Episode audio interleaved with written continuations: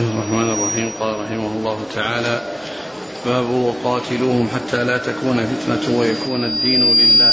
فإن انتهوا فلا عدوان إلا على الظالمين. قال حدثنا محمد بن بشار قال حدثنا عبد الوهاب قال حدثنا عبيد الله عن نافع عن ابن عمر رضي الله عنهما قال أتاه رجلان في فتنة ابن الزبير فقال إن الناس صنعوا وأنت ابن عمر وصاحب النبي. صلى الله عليه وآله وسلم فما يمنعك أن تخرج؟ فقال يمنعني أن الله حرم دم أخي. فقال ألم يقل الله وقاتلوهم حتى لا تكون فتنة. فقال قاتلنا حتى لم تكن فتنة. وكان الدين لله وأنتم تريدون أن تقاتلوا حتى تكون فتنة ويكون الدين لغير الله.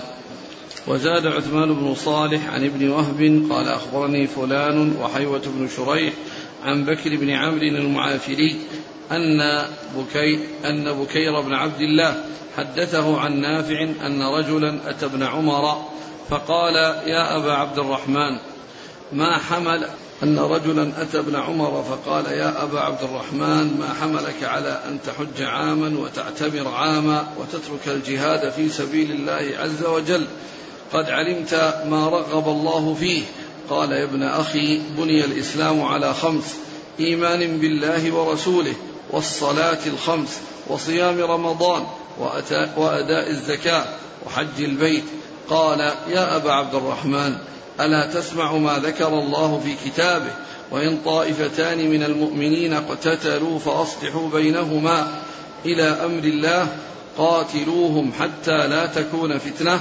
قال قد فعلنا على عهد رسول الله صلى الله عليه وسلم وكان الإسلام قليلا فكان الرجل يفتن في دينه إما قتلوه وإما يعذبوه حتى كثر الإسلام فلم تكن فتنة. قال فما قولك في علي وعثمان رضي الله عنهما؟ قال أما عثمان فكأن فكان فكأن الله عفى عنه. فكان الله. وجهان ها؟ ضبطها معا. كان وكأن في اليونانية. أما أما عثمان؟ فكأن الله عفى عنه. فكان الله. فكان الله عفى عنه. حصل العفو عنه. فكان الله عفى عنه. وأما أنتم فكرهتم أن تعفوا عنه. وأما علي فابن عم رسول الله صلى الله عليه وسلم وختنه. وأشار بيده فقال هذا بيته حيث ترون.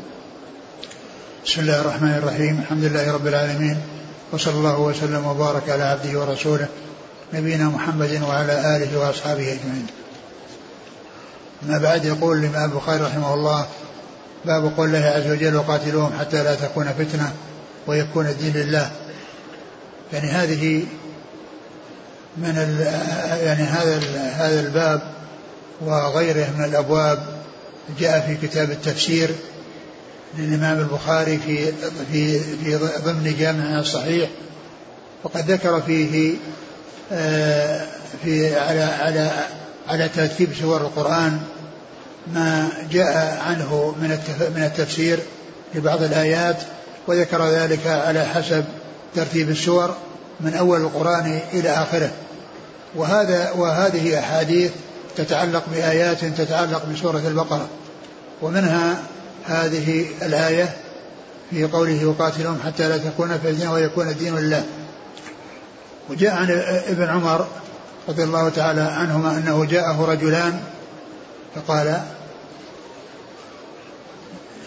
جاءه رجلان في فتنة ابن الزبير فقال إن الناس صنعوا وأنت ابن عمر صاحب رسول الله صلى يعني الله عليه وسلم. في فتنة ابن الزبير يعني في الوقت الذي يعني حصل الانقسام يعني في الحجاز وفي الشام ويعني وحصل الاقتتال وجاءه رجلان وفسر الرجلان ب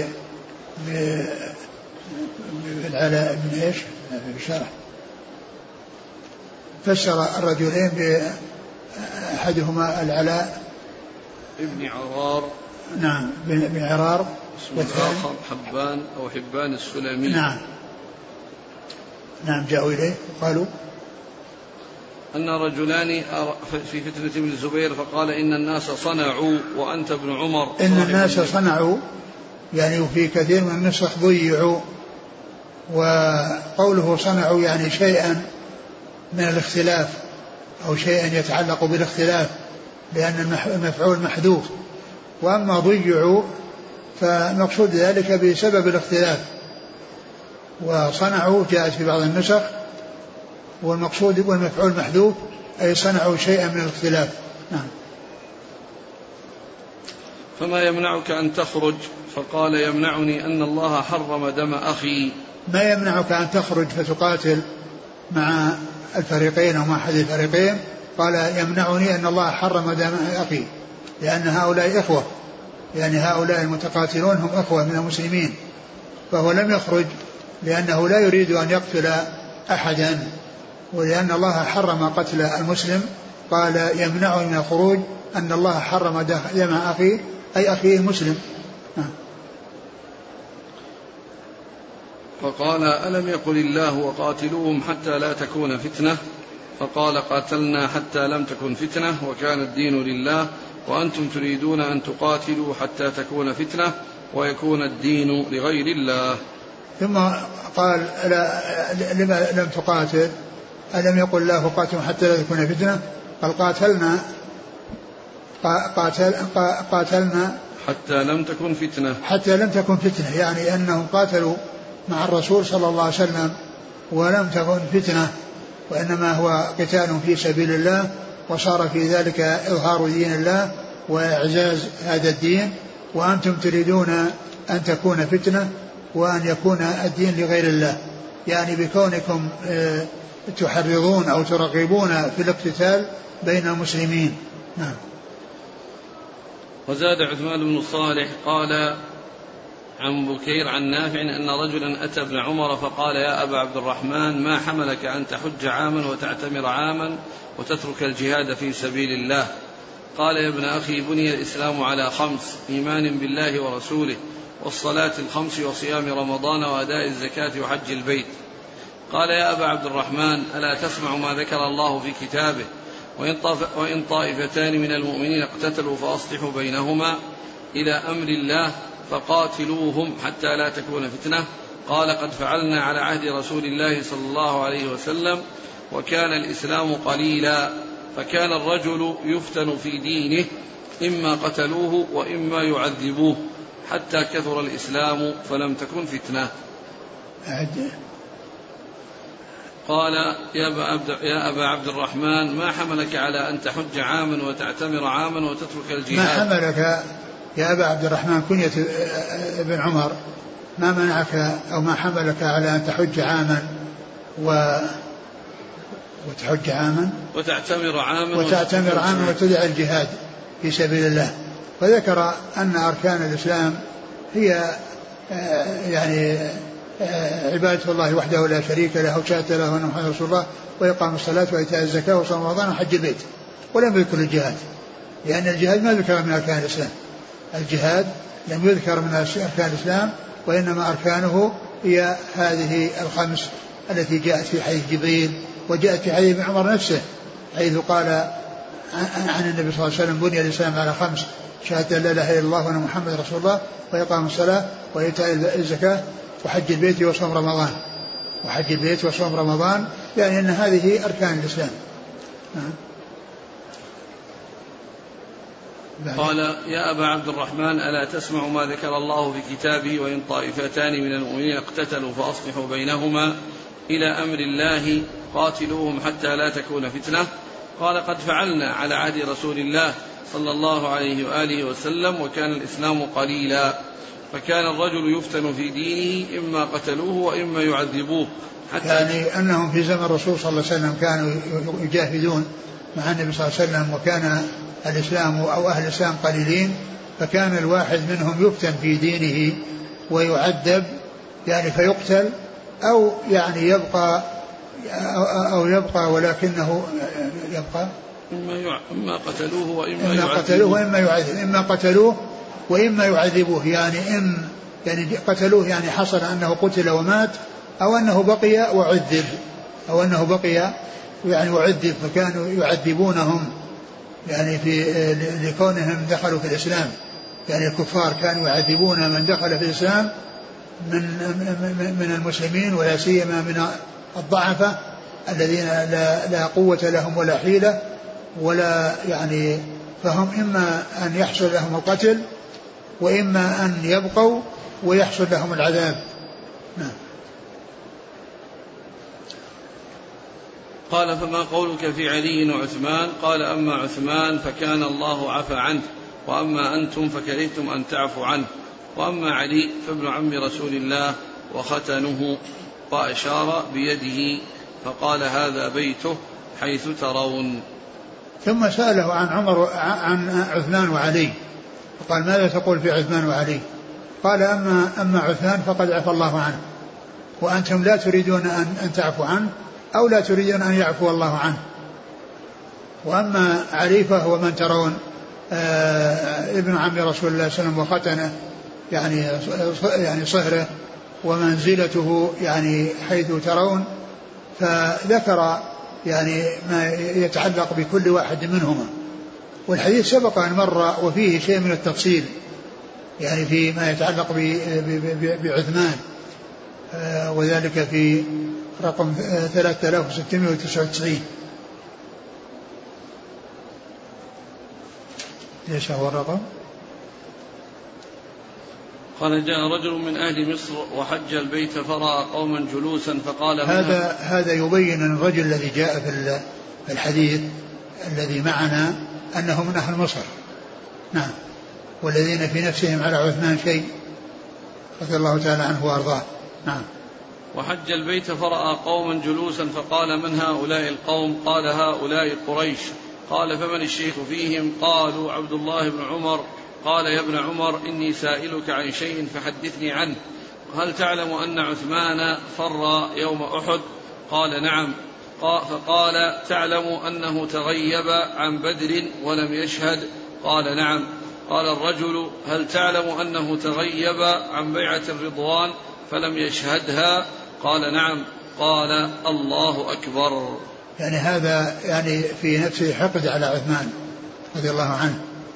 وسأل هذه الأسئلة التي هي يعني يريد يريد منها الذم له. فلما قال له نعم قال الله أكبر. يعني فرح. يعني بأنه يعني أنه حصلت له هذه الأشياء.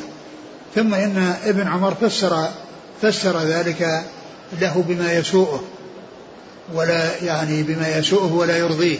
فقال قال ابن عمر تعالى أبين لك. أما فراره يوم أحد فأشهد أن الله عفى عنه وغفر له. وأما تغيبه عن بدر فإنه كان فإنه كان تحته بنت رسول الله صلى الله عليه وسلم وكانت مريضة فقال له رسول الله صلى الله عليه وآله وسلم إن لك أجر رجل ممن شهد بدرا وسهمه. وأما تغيبه عن بيعة الرضوان فلو كان أحد أعز ببطن مكة من عثمان لبعثه مكانه. فبعث رسول الله صلى الله عليه وسلم عثمان وكانت بيعة الرضوان بعدما ذهب عثمان إلى مكة. فقال رسول الله صلى الله عليه وسلم بيده اليمنى هذه يد عثمان.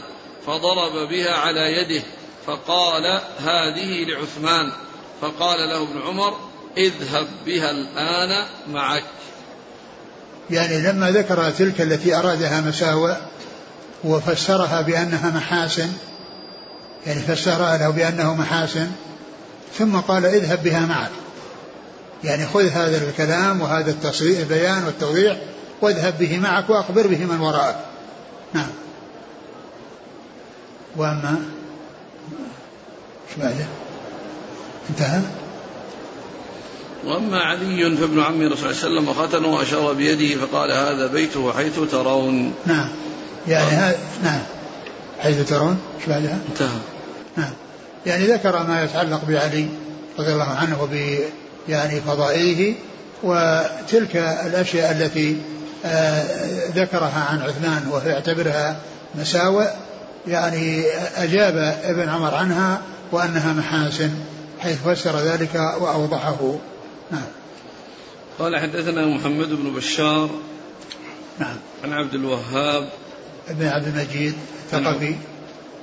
عن عبيد الله عن نافع عن ابن عمر. عبيد الله العمري المصغر. نعم. وزاد عثمان بن صالح عن ابن وهب. عبد الله بن وهب. قال أخبرني فلان وحيوة بن شريح. قال فلان وحيوة بن شريح. يعني حيوة بن شريح المصري. يعني حيوة بن شريح مصري وحيوة بن شريح شامي والمصري متقدم والشامي متأخر وهذا متقدم وهو مصري.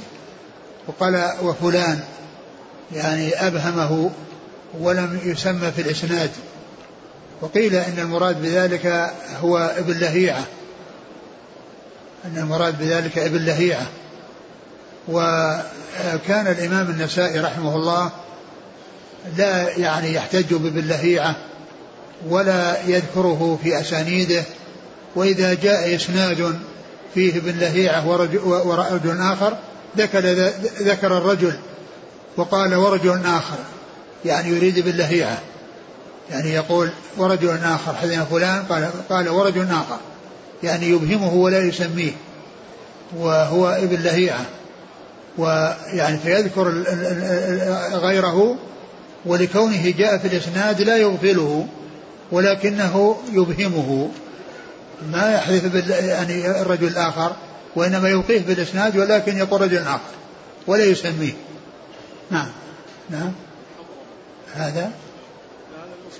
إيه، هذاك لا حضر من شامي. نعم.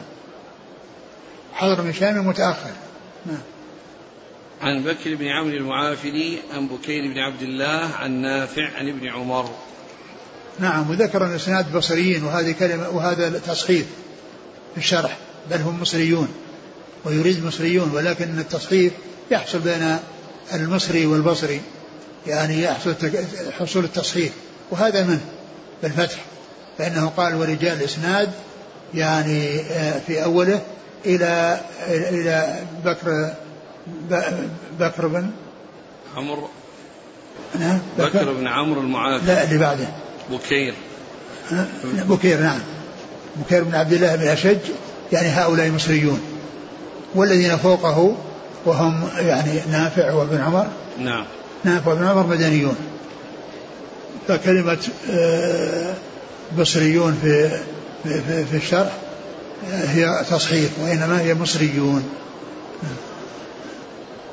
قال وقوله وأنفقوا في سبيل الله ولا تلقوا بأيديكم إلى التهلكة وأحسنوا إن الله يحب المحسنين. التهلكة والهلاك واحد. قال حدثنا إسحاق قال أخبرنا النضر قال حدثنا شعبة عن سليمان قال سمعت أبا وائل عن حذيفة رضي الله عنه وأنفقوا في سبيل الله ولا تلقوا بأيديكم إلى التهلكة قال نزلت في النفقة. ثم ذكر هذا الحديث ذكر باب قول الله عز وجل وأنفقوا في سبيل الله ولا تلقوا بأيديكم إلى التهلكة وأحسنوا إن الله يحب المحسنين وقال إن التهلكة والهلاك معناهما واحد. لا تلقوا بأيديكم إلى التهلكة إلى الهلاك. فالهلاك والتهلكة يقول معناهما واحد.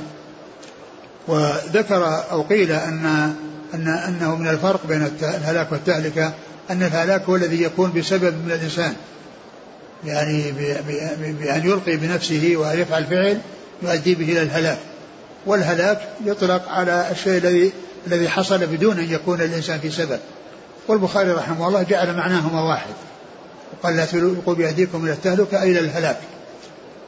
ثم أتى بالحديث الذي قال هي في النفقة يعني أنهم ينفقون في سبيل الله ولا يتركون الإنفاق في سبيل الله فيؤدي بذلك يعني المجاهدين بأنه تقل النفقات ومعلوم أن الإنفاق بالجهاد في سبيل الله بالمال ذكره الله عز وجل في, في, في القرآن كله مقدما للمال على النفس الجهاد بالنفس الجهاد بالأموال على الأنفس يعني بأموالكم وأنفسكم. وذلك لعظم شأن أهمية ولأهمية المال لأن المال يكون فيه يعني فيه الاقتيات للمجاهدين وفيه الأسلحة. وفيه المركوبات والدواب كل ذلك يكون عن طريق المال. ولم يأتي ذكر النفس, مقدمة على المال إلا في آية واحدة وهي سورة إنما اشترى من أنفسهم وأموالهم اشترى من أنفسهم وأموالهم ففي هذه قدمت الأنفس على المال. وأما في سائر آيات القرآن فقدم الجهاد بالمال على الجهاد بالنفس. وذلك لعظمه ولأهميته ولأنه لا يستقيم الأمر بدونه فالأسلحة لا تحصل إلا بالمال والمركوبات لا تحصل إلا بالمال والاقتيات يعني في المجاهدين وحصول الطعام الذي يكون به قوتهم ونشاطهم إنما يكون بالمال. قال وأنفقوا في سبيل الله ولا تلقوا بأيديكم إلى التهلكة. وأحسنوا إن الله يحب المحسنين. نعم. قال حدثنا إسحاق. إسحاق يحتمل أن يكون ابن, ابن, ابن إبراهيم وأن يكون ابن منصور الكوسج عن النظر لأنهم يرون عن النظر هذان يروون عن النظر وهما ويروي عنهم البخاري. فهو أحدهما. نعم. عن النضر عن شعبة عن سليمان. النضر بن شميل. عن شعبة. عن سليمان. عن من؟ عن أبي وائل. عن سليمان هو الأعمش. نعم. عن أبي وائل عن حذيفة.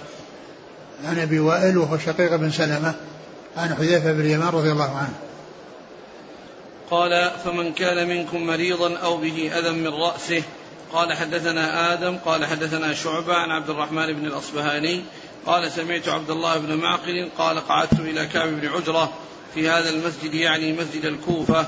فسألته عن فدية من عن فدية من صيام فقال حملت إلى النبي صلى الله عليه وسلم والقول يتناثر على وجهي فقال ما كنت أرى أن الجهد قد بلغ قد بلغ بك هذا. أما تجد شاه؟ قلت لا. قال صم ثلاثة أيام أو أطعم ستة مساكين لكل مسكين نصف صاع من طعام واحلق رأسك.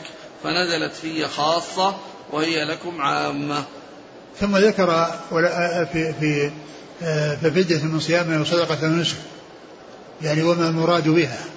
لأن القرآن جاء فيه إجمال الفدية وإجمال الصدقة وإجمال النسك. وجاءت السنة ببيانه حيث جاء في يعني في قصة كعب بن عجرة وأنه كان وهو محرم يتناثر القمل على وجهه فيعني الرسول صلى الله عليه وسلم قال ما كنت أرى الجهد بلغ بك يعني ما أرى. ثم قال أتجد شاة؟ قال لا. قال آه، آه، آه، أطعم ستة مساكين لكل مسكين صاع أو صم ثلاثة أيام. وجاء في بعض الأحاديث أنه قال افعل كذا أو كذا أو كذا. وذكر الثلاثة. وإنما جاء في هذه الرواية هل تجد شاة؟ لأنه إذا قلنا يجدها يعني يخيره بينها وبين الاثنين الباقيين. يعني وإن كان لا يجدها فإنه يخيره بين الاثنين الباقيين. فإن كان يجدها خيره وإن كان لا يجدها لم يبقى عنده إلا الاثنان الباقيان وهما إطعام ستة مساكين لكل مسكين صاع نصف صاع أو صيام ثلاثة أيام. فجاءت آه، فجاء الإجمال في القرآن وجاء التفصيل بالسنة. والسنة تفسر القرآن وتبينه وتوضحه. ولهذا جاء في, في القرآن ففدية من صيام أو صدقة أو نسك. مجملة وجاءت السنة بأن الفدية شاة أو إطعام ستة مساكين لكل مسكين صاع أو صيام ثلاثة أيام. لأن لأن الآية ليس فيها ذكر الصيام كم هو ولا ذكر الإطعام كم هو ولا الفدية وش هي هل هي يعني بعير أو بقرة أو, أو غنم. فذكر أقل شيء الذي هو الغنم وهي, وهي, وهي شاة نعم. قال حدثنا آدم ابن أبي ياس. عن شعبة عن عبد الرحمن بن الأصبهاني نعم. عن عبد الله بن معقل عن نعم. كعب بن عجرة. نعم. قال فمن تمتع بالعمرة إلى الحج؟ قال حدثنا مسدد قال حدثنا يحيى عن عمران أبي بكر. قال حدثنا أبو رجاء عن عمران بن حصين رضي الله عنهما. قال أنزلت آية المتعة في كتاب الله ففعلناها مع رسول الله صلى الله عليه وسلم.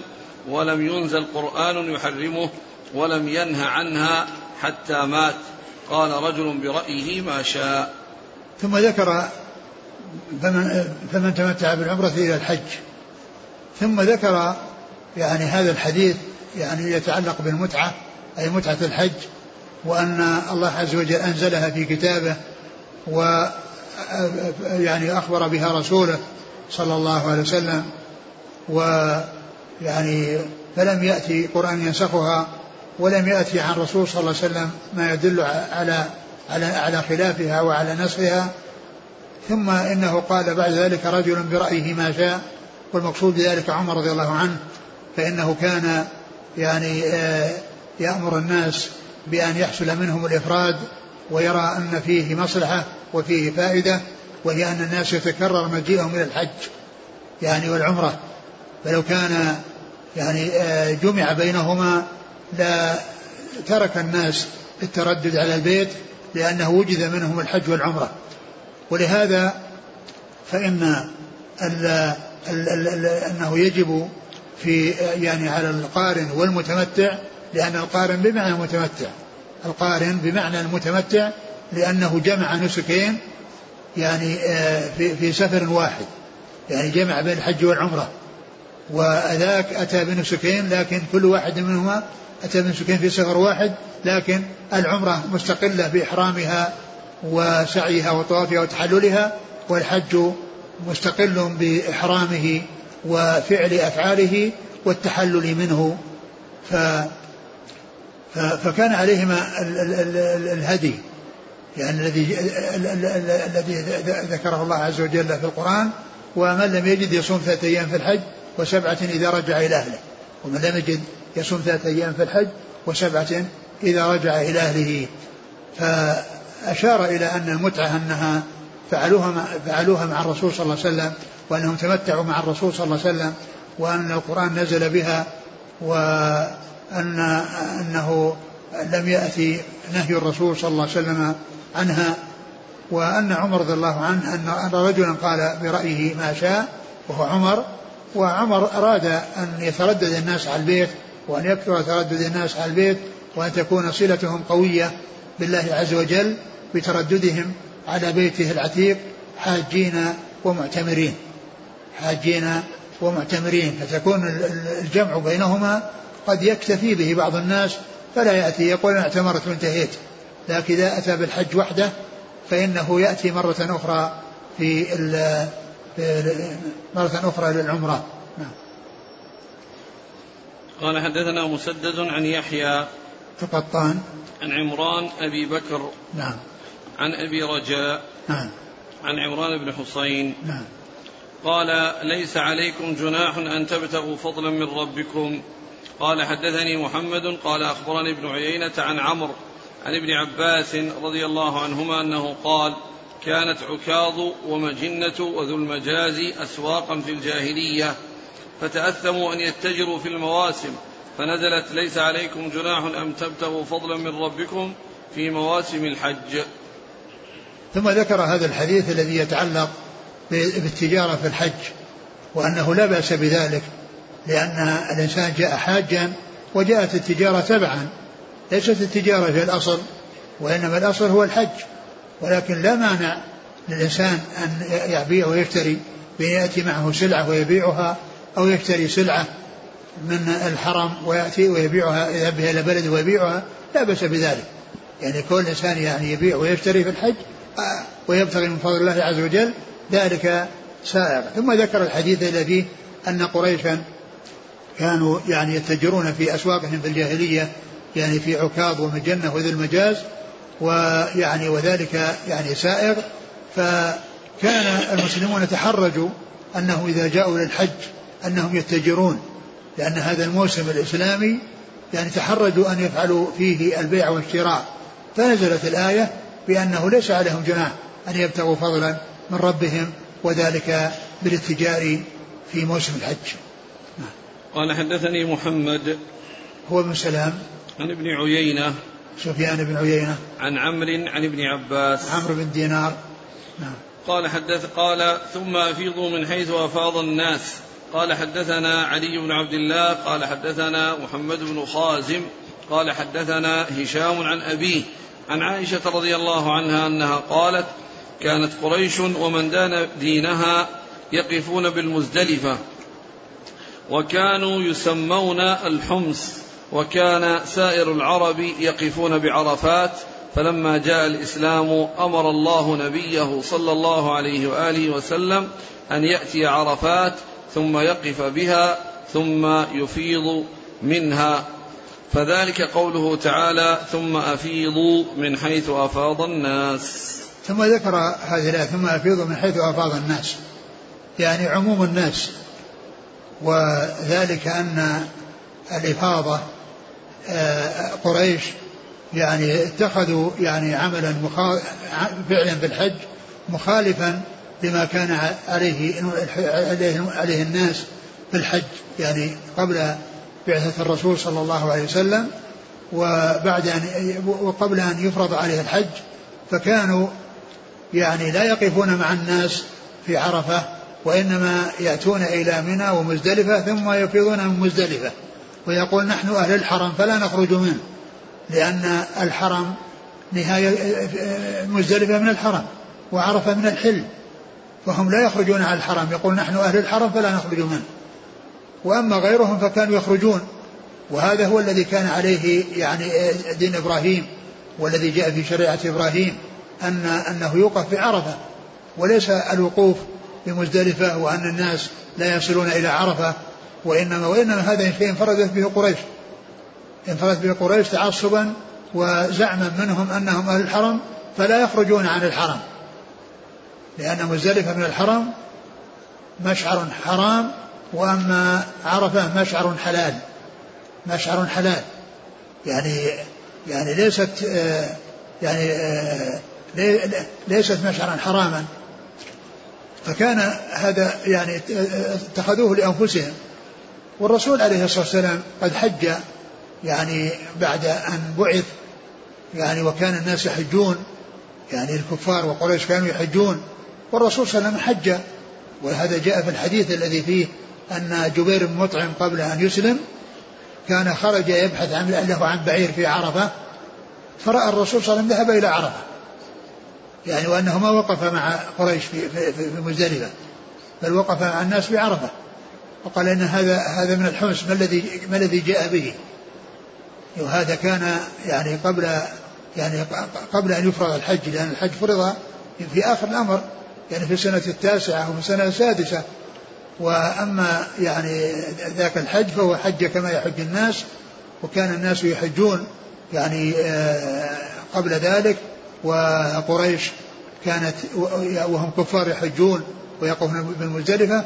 وغيرهم من الحجاج يقفون بعرفة. يقرأ الحديث.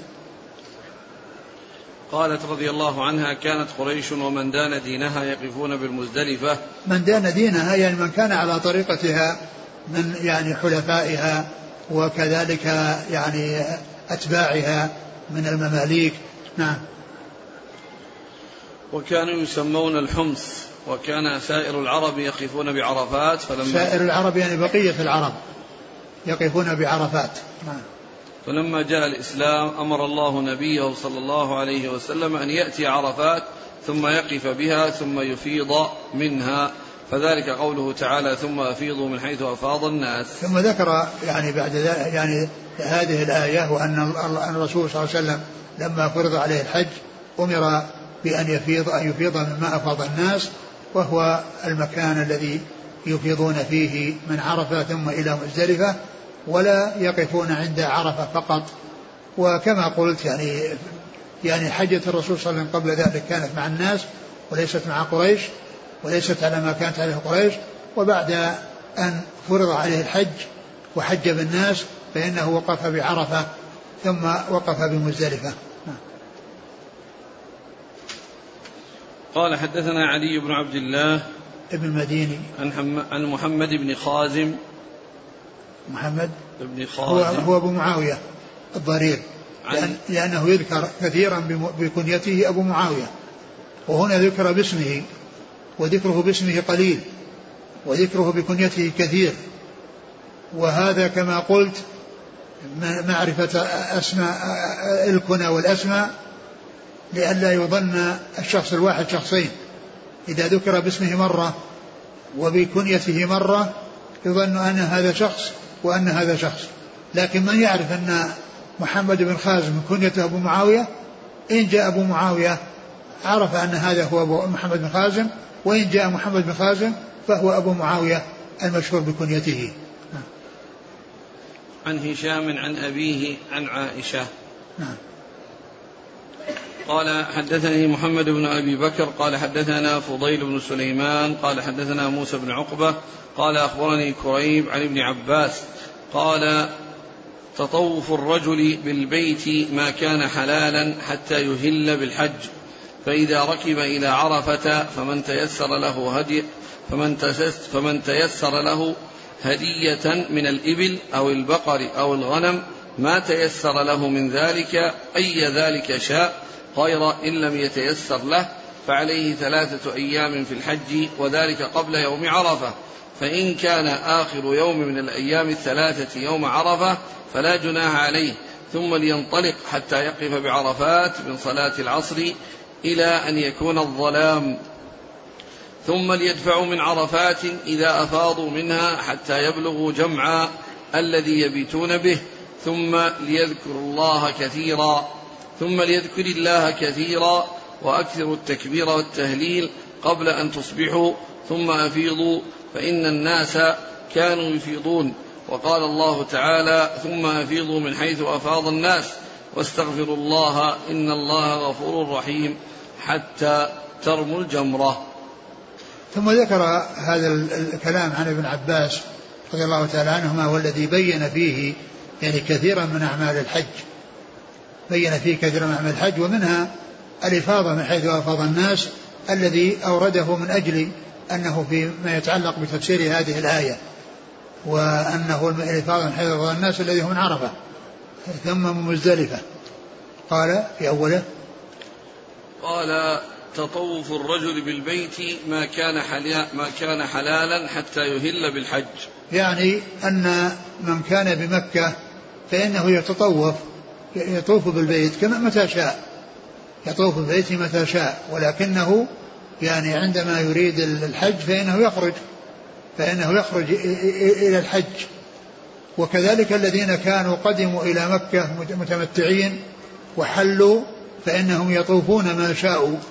يعني في البيت ثم يعني يحرمون بالحج في اليوم الثامن ويذهبون إلى إلى منى كما فعل ذلك رسول الله صلى الله عليه وسلم في حجة الوداع. نعم. فإذا ركب إلى عرفة فمن تيسر له هدية من الإبل أو البقر أو الغنم ما تيسر له من ذلك فمن ركب فمن فمن يعني ذهب من ركب إلى عرفة يعني وكان حاجا فإن كان يعني قارنا أو متمتعا فإنه يجب عليه هدي وأقله شاة. أقله شاة وإذا أراد أن يهدي شيئا أكثر من ذلك فله. فيعني فهذا في حق القارئ والمتمتع والمنفرد فليس عليه شيء إلا أن يتطوع. المفرد ليس عليه هدي إلا أن يتطوع. وأما من حيث الوجوب فالوجوب إنما هو على القارن والمتمتع. وقد ذكر ابن كثير في تفسيره في قول الله عز وجل فمن تمتع بالعمرة الحج؟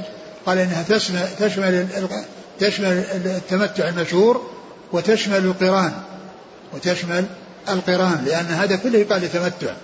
وذكرت أن القران يقال له تمتع باعتبار أنه أتى بنسكين مقرونين في سفرة واحدة. أتى بنسكين مقرونين في سفرة واحدة. إذا عليه عليه هدي وهذا الهدي وهذا الدم هو دم شكران وليس دم جبران لأنه زيادة خير. وزيادة يعني تقرب إلى الله عز وجل وليس جبرا لنقص. فيقال له دم شكران وليس دم جبران. دم الجبران إذا فعل الإنسان ترك واجبا من واجبات الحج عليه دم. يجبر هذا الواجب الذي تركه.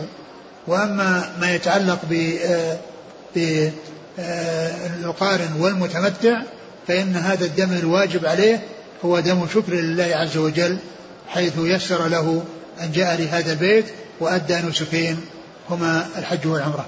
نعم.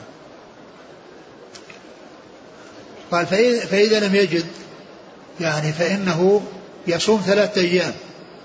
وهذه الأيام الثلاثة ينبغي أن تكون قبل يوم عرفة. وإن كان الثالث يوم عرفة فلا بأس. يعني لا بأس بذلك لكن الأولى أن يكون يوم يوم عرفة مفطرا ليتقوى على الوقوف وليصير عنده نشاط. ولا يصير عنده كسل فيحتاج إلى النوم وتفوته تلك الساعات الثمينة النفيسة التي هي يعني آخر النهار يعني حيث يقف الناس ويدعون ويبتهلون إلى الله عز وجل ويسألونه من خير الدنيا والآخرة. فالمستحب والأولى في حق الحاج أن يكون مفطرا لكنه إن صام صح صومه. إن صح إن صام يعني وعليه هذه الثلاثة فإنه يصح صومه لأن هذه الأيام حتى أيام التشريق يجوز للذي عليه هدي أن يصوم أيام التشريق وصومها حرام ولكنه رخص لمن لم يجد الهدي أن يصوم أيام التشريق. لكن الأولى أن تكون قبل يوم قبل يوم عرفة. وإن صام يوم عرفة هو الثالث فإنه لا بأس بذلك. نعم. بعد.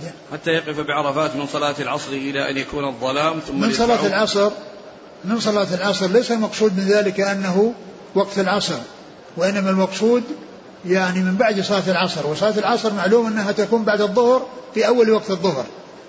فإذا ذكر العصر لأنها هي الصلاة الأخيرة وأنه يعني آآ آه، آآ آه، وأن وقت الوقوف يكون من بعد من بعد من بعد من بعد الصلاتين. وصلاة العصر هي الأخيرة. يعني بعدما يصلي العصر التي هي مضمومة إلى الظهر جمع تقديم يبدأ الوقوف. وليس معنى ذلك أن الوقوف لا يبدأ إلا إذا دخل وقت العصر وانتهى وقت الظهر لأن يوم عرفة يعني المشروع فيه الجمع وجمع التقديم. فتكون يعني من بعد صلاة العصر الذي جاءت مع الظهر في أول وقتها جمعا عند ذلك يبدأ الوقوف ويستمر إلى الغروب وإلى أن يأتي الظلام. فعند ذلك ينطلق الذين وقفوا. أما من لم يصل إلى مكة إلى إلى عرفة إلا بعد الغروب فإنه يعتبر وقف لأن الوقوف يمتد إلى طلوع الفجر كما جاء في حديث عروة ابن مضرس. نعم. ثم ليدفعوا من عرفات إذا أفاضوا منها حتى يبلغوا جمع الذي يبيتون به.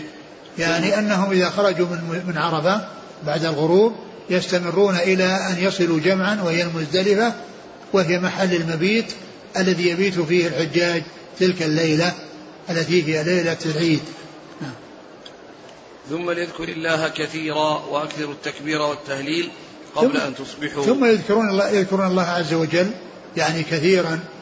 والرسول عليه الصلاة والسلام قد نام يعني في تلك الليلة وقام عند دخول الوقت اللي هو وقت الفجر وصلى في أول وقتها ثم وقف يدعو. يعني يدعو بمزدلفة حتى أصبح جدا يعني حتى حصل الإسفار الشديد الذي لم يبق معه إلا طلوع الشمس. ثم إنه انصرف من من من من, من مزدلفة من مزدلفة إلى منى. صلوات الله وسلامه وبركاته عليه قبيل طلوع الشمس. نعم. فإن الناس كانوا يفيضون والله تعالى قال ثم أفيضوا من حيث أفاض الناس واستغفروا الله إن الله غفور رحيم حتى ترموا الجمرة. ثم قال إن الناس يفيضون. ومعلوم أن الإفاضة التي مشروعة هي الإفاضة من عرفة التي يقف الحجاج فيها. وأما قريش الذين كانوا يفعلون ذلك في الجاهلية فقد انتهى هذا الحكم وبقي حكم الإسلام والدين الذي كان عليه إبراهيم الخليل وهو أنهم يقفون بعرفة ثم ينصرفون منها إلى مزدلفة ثم يفيضون من مزدلفة ويستمرون حتى يعني يحصل الشر جدا ثم يذهبون ويرموا الجمرة وعند رمي الجمرة أو بعد انتهاء رمي الجمرة ينتهي تنتهي التلبية تنتهي التلبية بالفراغ من رمي جمرة العقبة. قال حدثني محمد بن أبي بكر نعم. عن فضيل بن سليمان نعم. عن موسى بن عقبة عن كريب عن ابن عباس نعم. قال ومنهم من يقول ربنا آتنا في الدنيا حسنة وفي الآخرة حسنة وقنا عذاب النار. قال حدثنا أبو معمر قال حدثنا عبد الوارث عن عبد العزيز عن أنس رضي الله عنه قال كان النبي صلى الله عليه وسلم يقول اللهم ربنا آتنا في الدنيا حسنة وفي الآخرة حسنة وقنا عذاب النار. ثم ذكر هذا الدعاء الذي هو ربنا آتنا في الدنيا حسنة وفي الآخرة حسنة وقنا عذاب النار. وأن هذا من أهم الأدعية وأجمع الأدعية التي يدعى بها عرفة في عرفة وفي غيرها. والرسول صلى الله عليه وسلم كان يكثر من هذا الدعاء وكان يقوله وهو يطوف بين بين بين الركن اليماني والحجر الأسود. وربنا آتنا في الدنيا حسنة وفي الآخرة حسنة وقنا عذاب النار. وكان أنس رضي الله عنه يعني يدعو بهذا الدعاء وإذا دعا بدعاء أتى به معه. يعني إما أن يدعو به وحده وإن أتى بدعاء آخر فإنه لا يخليه من هذا الدعاء. بل يأتي بهذا الدعاء لأن هذا جامع بين سعاده الدنيا وسعاده الآخرة. ربنا آتنا في الدنيا حسنة وهذا لفظ عام. يدخل في ذلك المال الحلال والولد الصالح والزوجة الصالحة وغير ذلك من من من من, من متع الحياة الدنيا. وفي الآخرة حسنة التي هي دخول الجنة والسلام من النار وإضافة إلى ذلك مع قول يعني يذكر حسنة الآخرة يقول وقنا عذاب النار. يعني في فيكون كل خير يحصله ويدعو بالسلامة من النار. فهو دعاء من أجمع الأدعية. نعم. قال حدثنا أبو معمر. هو عبد الله بن عمرو. عن عبد الوارث. المقعد عبد الوارث بن سعيد العنبري. عن عبد العزيز. بن صهيب. عن أنس. نعم. قال وهو ألد الخصام وقال عطاء النسل الحيوان. قال حدثنا قبيصة قال حدثنا سفيان عن ابن جريج عن ابن أبي مليكة عن عائشة رضي الله عنها ترفعه قال أبغض الرجال إلى الله الألد الخصم وقال عبد الله قال حدثنا سفيان قال حدثني ابن جريج عن ابن أبي مليكة عن عائشة رضي الله عنها عن النبي صلى الله عليه وآله وسلم. ثم ذكر الألد الخصام يعني ذكر هذا الحديث عند هذه الآية. ذكر البخاري أورد البخاري عند تفسير عند هذه الآية من كتاب التفسير هذا الحديث الذي قال فيه النبي صلى الله عليه وسلم إن أبغض الرجال إلى الله الألد الخصم. أي الشديد اللذذ في الخصومة الكثير الخصومة الشديد اللذذ فيها الذي يعني يفرح ويحرص على أن يكون يعني مخاصما وأن يكون ويكون عنده لدد فيها وشدة يعني في ذلك. ف فهذا من أبغض الرجال إلى الله أبغض الرجال إلى الله وهو يدل أيضا على أن صفة البغض من صفات الله عز وجل. وأن هذه الصفة يحصل فيها التفاوت وأن المبغضين ليسوا على حد سواء. الذين يبغضهم الله ليسوا على حد سواء. كما أن الذين يحبهم الله ليسوا على حد سواء. ففيه تفاضل يعني للناس في في المحبة والبغض في محبة الله وبغضه. وهذا الحديث فيه إنه إنه ألد الخصام. يعني من أشد الناس لددا في الخصومة. نعم. قال حدثنا وقوله يرفعه ترفعه يعني ترفعه إلى رسول الله صلى الله عليه وسلم لأن المرفوع ما أضيف إلى إلى النبي صلى الله عليه وسلم والموقوف ما أضيف إلى الصحابة والمقطوع ما أضيف إلى من دون الصحابة. قال حدثنا قبيصة عن سفيان. قبيصة ابن ابن ابن عقبة. نعم. عن ابن جريج عن ابن أبي مليكة عن عائشة. نعم. وقال عبد الله حدثنا سفيان عبد الله بن الوليد العدني. عن ابن جريج عن ابن أبي مليكة عن عائشة. سفيان؟ عن سفيان؟ نعم. نعم. ما أدري هو ثوري ولا ابن عيينة؟ قال أم حسبتم أن تدخلوا الجنة ولما يأتكم مثل وذكر هذا هذا الطريق من أجل أن فيها التنصيص بالرفع لأن عائشة قالت عن رسول الله صلى الله عليه وسلم. أما هناك قالت يرفعه قال الراوي ترفعه ومعلوم أن ترفعه هي بمعنى قال رسول الله صلى الله عليه وسلم لأن الرفع معروف أنه ما أضيف إلى الرسول صلى الله عليه وسلم نعم. قال أم حسبتم أن تدخلوا الجنة ولما يأتكم مثل الذين خلوا من قبلكم مستهم البأساء والضراء إلى قريب قال حدثنا إبراهيم بن موسى قال أخبرنا هشام عن ابن جريج قال سمعت ابن أبي مليكة يقول قال ابن عباس رضي الله عنهما حتى إذا استيأس الرسل وظنوا أنهم قد كذبوا خفيفة. ذهب بها هناك وتلا حتى إيش؟ خفيفة إيش؟ ذهب بها هناك. إيش؟ خفيفة. نعم. إيش؟ بعدها.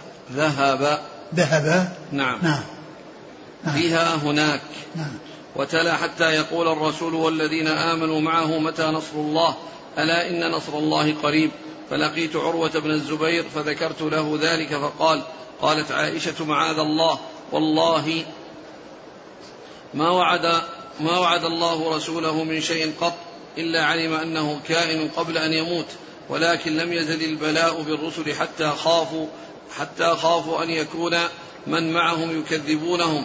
فكانت تقرأها وظنوا أنهم قد كذبوا مثقلة. يعني هنا ذكر يعني عند على أن نصر الله قريب وأتى بمناسبة ذلك بما جاء في آخر سورة يوسف حتى إذا سيأس الرسل وظنوا أنهم قد كذبوا. وعائشة تقول كذبوا يعني تقرأها كذبوا. ومعنى كذبوا يعني ال ال يعني المقصود يعني منها كما قال كما جاء عن سعيد بن جبير يعني وغيره أنه قال حتى إذا استيأس الرسل من من من إيمان قومهم وظنوا أي ظنوا أي الأتباع أو الأمم أن الرسل قد كذبوا يعني الله ما حقق لهم الشيء الذي وعدهم به. والله عز وجل أخبر في قوله فلا يحسبن الله فلا يحسبن الله مخلف وعده رسلا. إن الله عزيز ذو انتقام فقال إن أنها بالتخفيف وأنها كذبوا أي أنهم لم يحصل لهم من الله ما وعدهم به. لم يحصل من لهم من الله ما وعد ما وعدهم به. وهذا لا يضاف إلى الرسل وإنما يضاف إلى الأمم. ومعناها حتى إذا سيأس الرسل من إيمان قومهم وظن قومهم أن الرسل قد كذبوا. يعني أنه لم يحصل لهم الذي وعدوا به من الله. جاء أمر أمرنا فنجي من نشاء. يعني فإذا جاء النصر وجاء التأييد من الله عز وجل بعدما ظن الكفار هذا الظن سيء وهو أن الله أخلف وعده, وعد رسله وأن أنه لم يحصل لهم ما وعدوا به. والمعنى الثاني الذي جاء عن عائشة هو أن أن أنها قالت حتى إذا سأل الرسل سيأس الرسل يعني من إيمان قومهم ويعني وغلب على ظنهم أنهم لا يؤمنون وأنهم قد كذبوا يعني كذبهم قومهم وظنوا أنهم قد كذبوا جاء النصر من الله عز وجل. ويعني هذا الذي جاء عن ابن جبير يعني ذكره الحافظ يعني في فيما بعد ويعني وهو كلام يعني جيد ولكن الضمائر فيه ليست متحدة.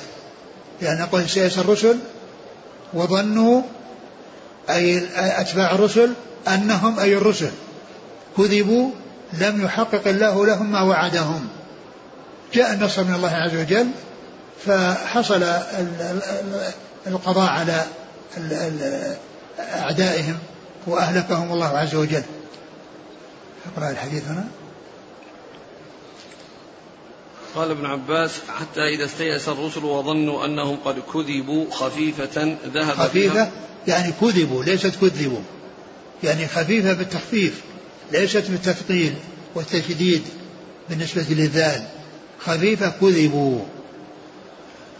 نعم. ذهب بها هناك وتلا حتى يقول الرسول والذين آمنوا معه متى نصر الله؟ ألا إن نصر الله قريب؟ نعم يعني ذكر هذا عند في سورة البقرة. هذه الآية أنه يعني حصل يعني ما حصل من من من الشدة وكذا حتى يعني يقول متى نصر الله؟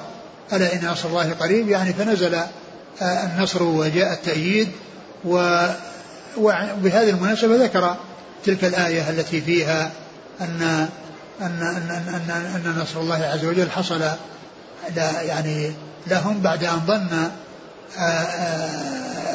الأمم ظنت الأمم أن الله مخلف وعده إياهم جاء النصر من الله عز وجل فأهلك الله يعني أقوامهم الذين كذبوهم. قال فلقيت عروة بن الزبير فذكرت له ذلك فقال قالت عائشة معاذ الله والله ما وعد الله رسوله من شيء قط إلا علم أنه كائن قبل أن يموت. ولكن لم يزل البلاء بالرسل حتى خافوا أن يكون من معهم يكذبونهم فكانت تقرأها وظنوا أنهم قد كذبوا مثقلة. يعني هذا يرجع إلى الرسل والمقصود من ذلك أن حتى إذا الرسل وظنوا أي الرسل أنهم كذبوا. يعني يعني حصل ظنهم على أن أممهم لم تستجب لهم وأنهم كذبوهم وكذبوهم بالفعل جاء النصر من الله عز وجل. أما على القول الثاني الذي جاء عن سعيد بن جوير وهو واضح قد ذكر يعني ابن حجر أن جماعة أو بعض الناس الذين أشكلت عليهم هذه الآية عندما سمعوا هذا الكلام الذي جاء عن ابن جبير فرحوا به فرحا شديدا وقال لو لو لو حصل ذهاب إلى اليمن من أجل هذه الفائدة لكانت الفائدة يعني عظيمة أو النتيجة طيبة. يعني وهذه الفائدة المتعلقة ب بقوله حتى إذا سيأتي الرسل وظنوا أنهم قد كذبوا وما جاء فيها من الآثار عن سعيد بن جبير والتي هي موضحة يعني بالمعنى بحيث يعني لا يكون فيه لبس. هذه آه، أنا ذكرتها في الفوائد المنتقاة من فتح الباري وهي رقمها 631 رقم هذه الفائدة. المتعلقة بتفسير هذه الآية حتى إذا سئلها الرسل هي في الفوائد المنتقاة من فتح الباري وكتب أخرى ورقمها 631 نعم. قال حدثنا إبراهيم بن موسى نعم. عن هشام عن ابن جريج. عن هشام؟ نعم.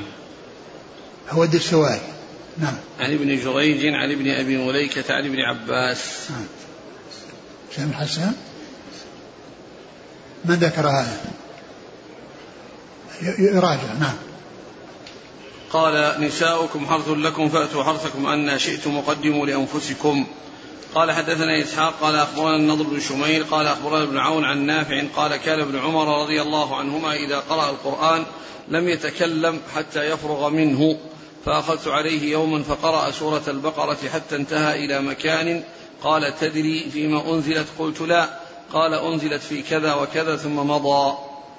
وعن عبد الصمد قال حدثني أبي قال حدثني أيوب عن نافع بن عمر فأتوا حرثكم أن شئتم.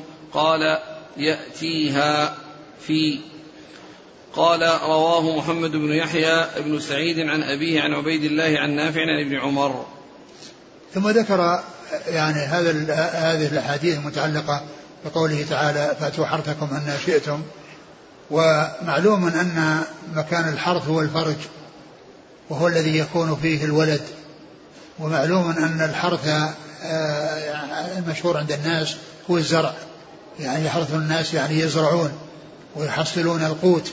وأما بالنسبة للنساء فهن حرث يعني لزرع الولد وخروج الولد وتحصيل الولد لأن الأولاد لا يحصلون إلا عن طريق الزواج أو عن طريق ملك اليمين كما قال الله عز وجل والذين هم لفروجهم حافظون إلا على أزواجهم أو ملكت أيمانهم فإنهم غير ملومين.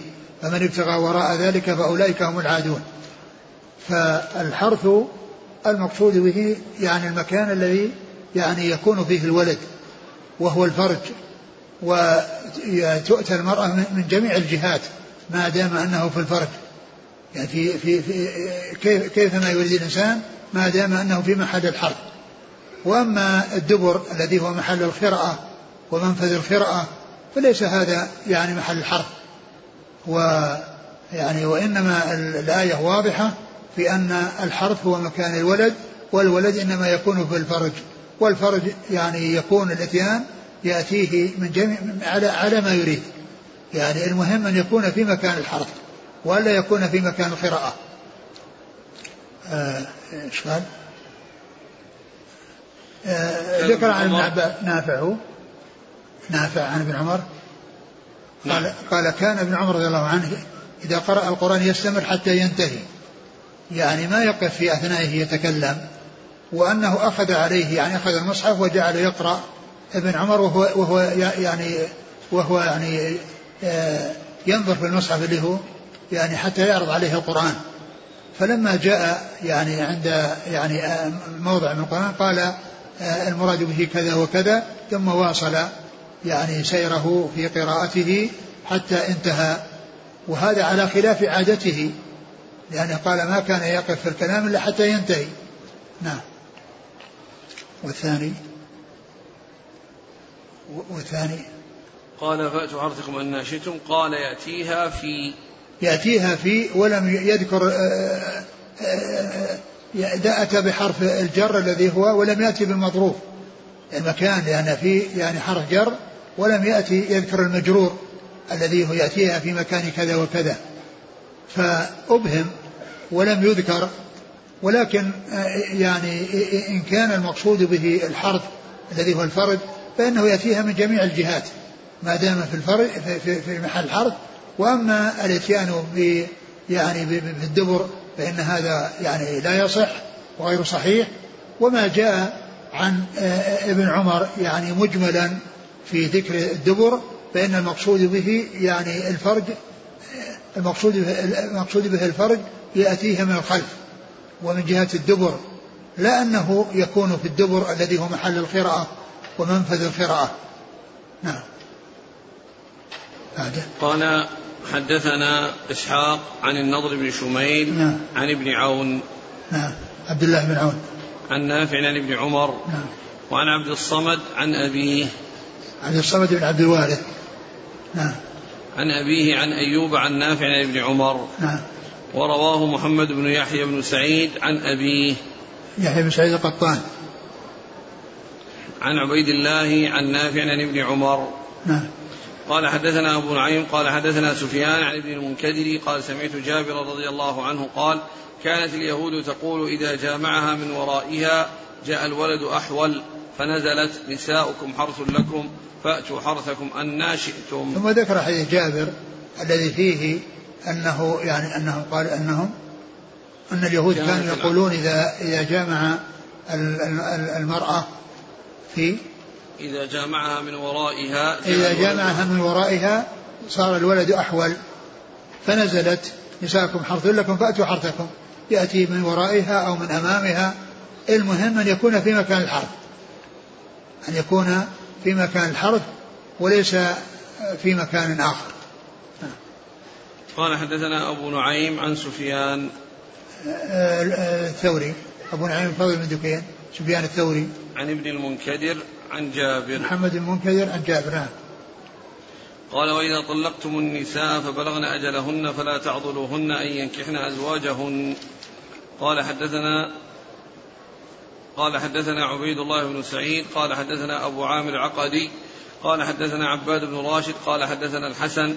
قال حدثني معقل بن يسار. قال كانت لي أخت تخطب إلي وقال إبراهيم عن يونس عن الحسن قال حدثني معقل بن يسار قال حدثنا أبو معمر قال حدثنا عبد الوارث قال حدثنا يونس عن الحسن أن أخت معقل بن يسار طلقها زوجها فتركها حتى انقضت عدتها فخطبها فأبى معقل فنزلت فلا تعضلوهن أن ينكحن أزواجهن. ثم ذكر هذه الآية وإذا طلقوا النساء فبلغن أجلهن فلا تعضلوهن أن ينكحن أزواجهن.